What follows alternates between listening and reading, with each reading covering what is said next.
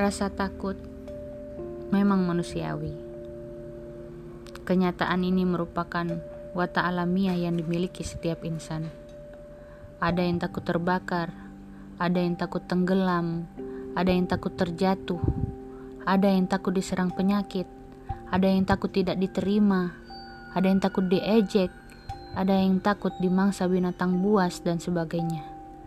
Namun, rasa takut semacam ini harus berada di bawah khauf syar'i, yakni takut kepada Allah Subhanahu wa taala.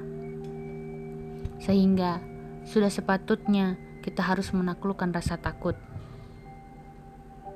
dan mengedepankan rasa takut kepada Allah Subhanahu wa taala Rabbul Izzati. Dengan demikian, perjuangan dakwah ini akan menjadi ringan dan kita tidak akan maju mundur lantaran ketakutan-ketakutan yang ada dalam diri.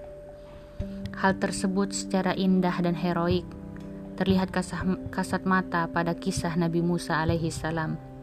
Ketika pengikutnya ragu untuk maju melewati Laut Merah karena rasa takut pada kemungkinan tenggelam ke Laut Merah. Dengan lantang Nabi Musa mengatakan, Qala kalla inna ma'iya rabbi sayahdin. Sekali-kali tidak, sesungguhnya bersamaku Tuhanku yang akan menunjukiku jalan. Dan benar, Allah memberinya jalan keluar, berupa mukjizat terbelahnya Laut Merah dengan pukulan tongkatnya, sehingga bisa dilalui oleh Nabi Musa dan pengikutnya.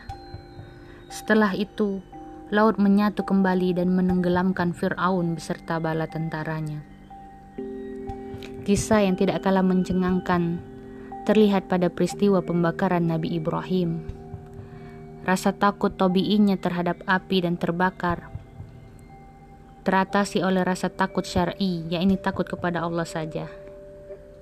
Subhanallah, pertolongan Allah datang dengan perintahnya kepada api agar menjadi dingin dan sejuk serta menyelamatkan Nabi Ibrahim.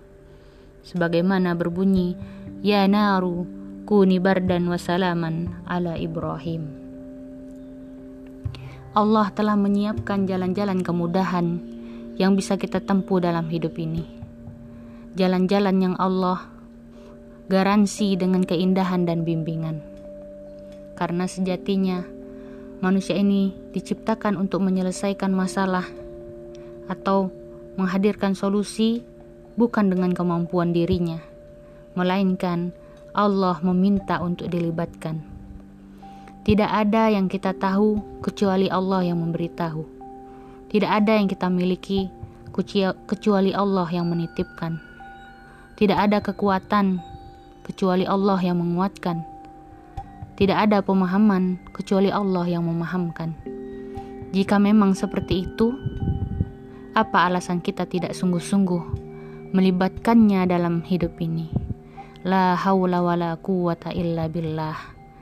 Tidak ada daya dan upaya melainkan dengan kekuatan Allah Subhanahu wa taala.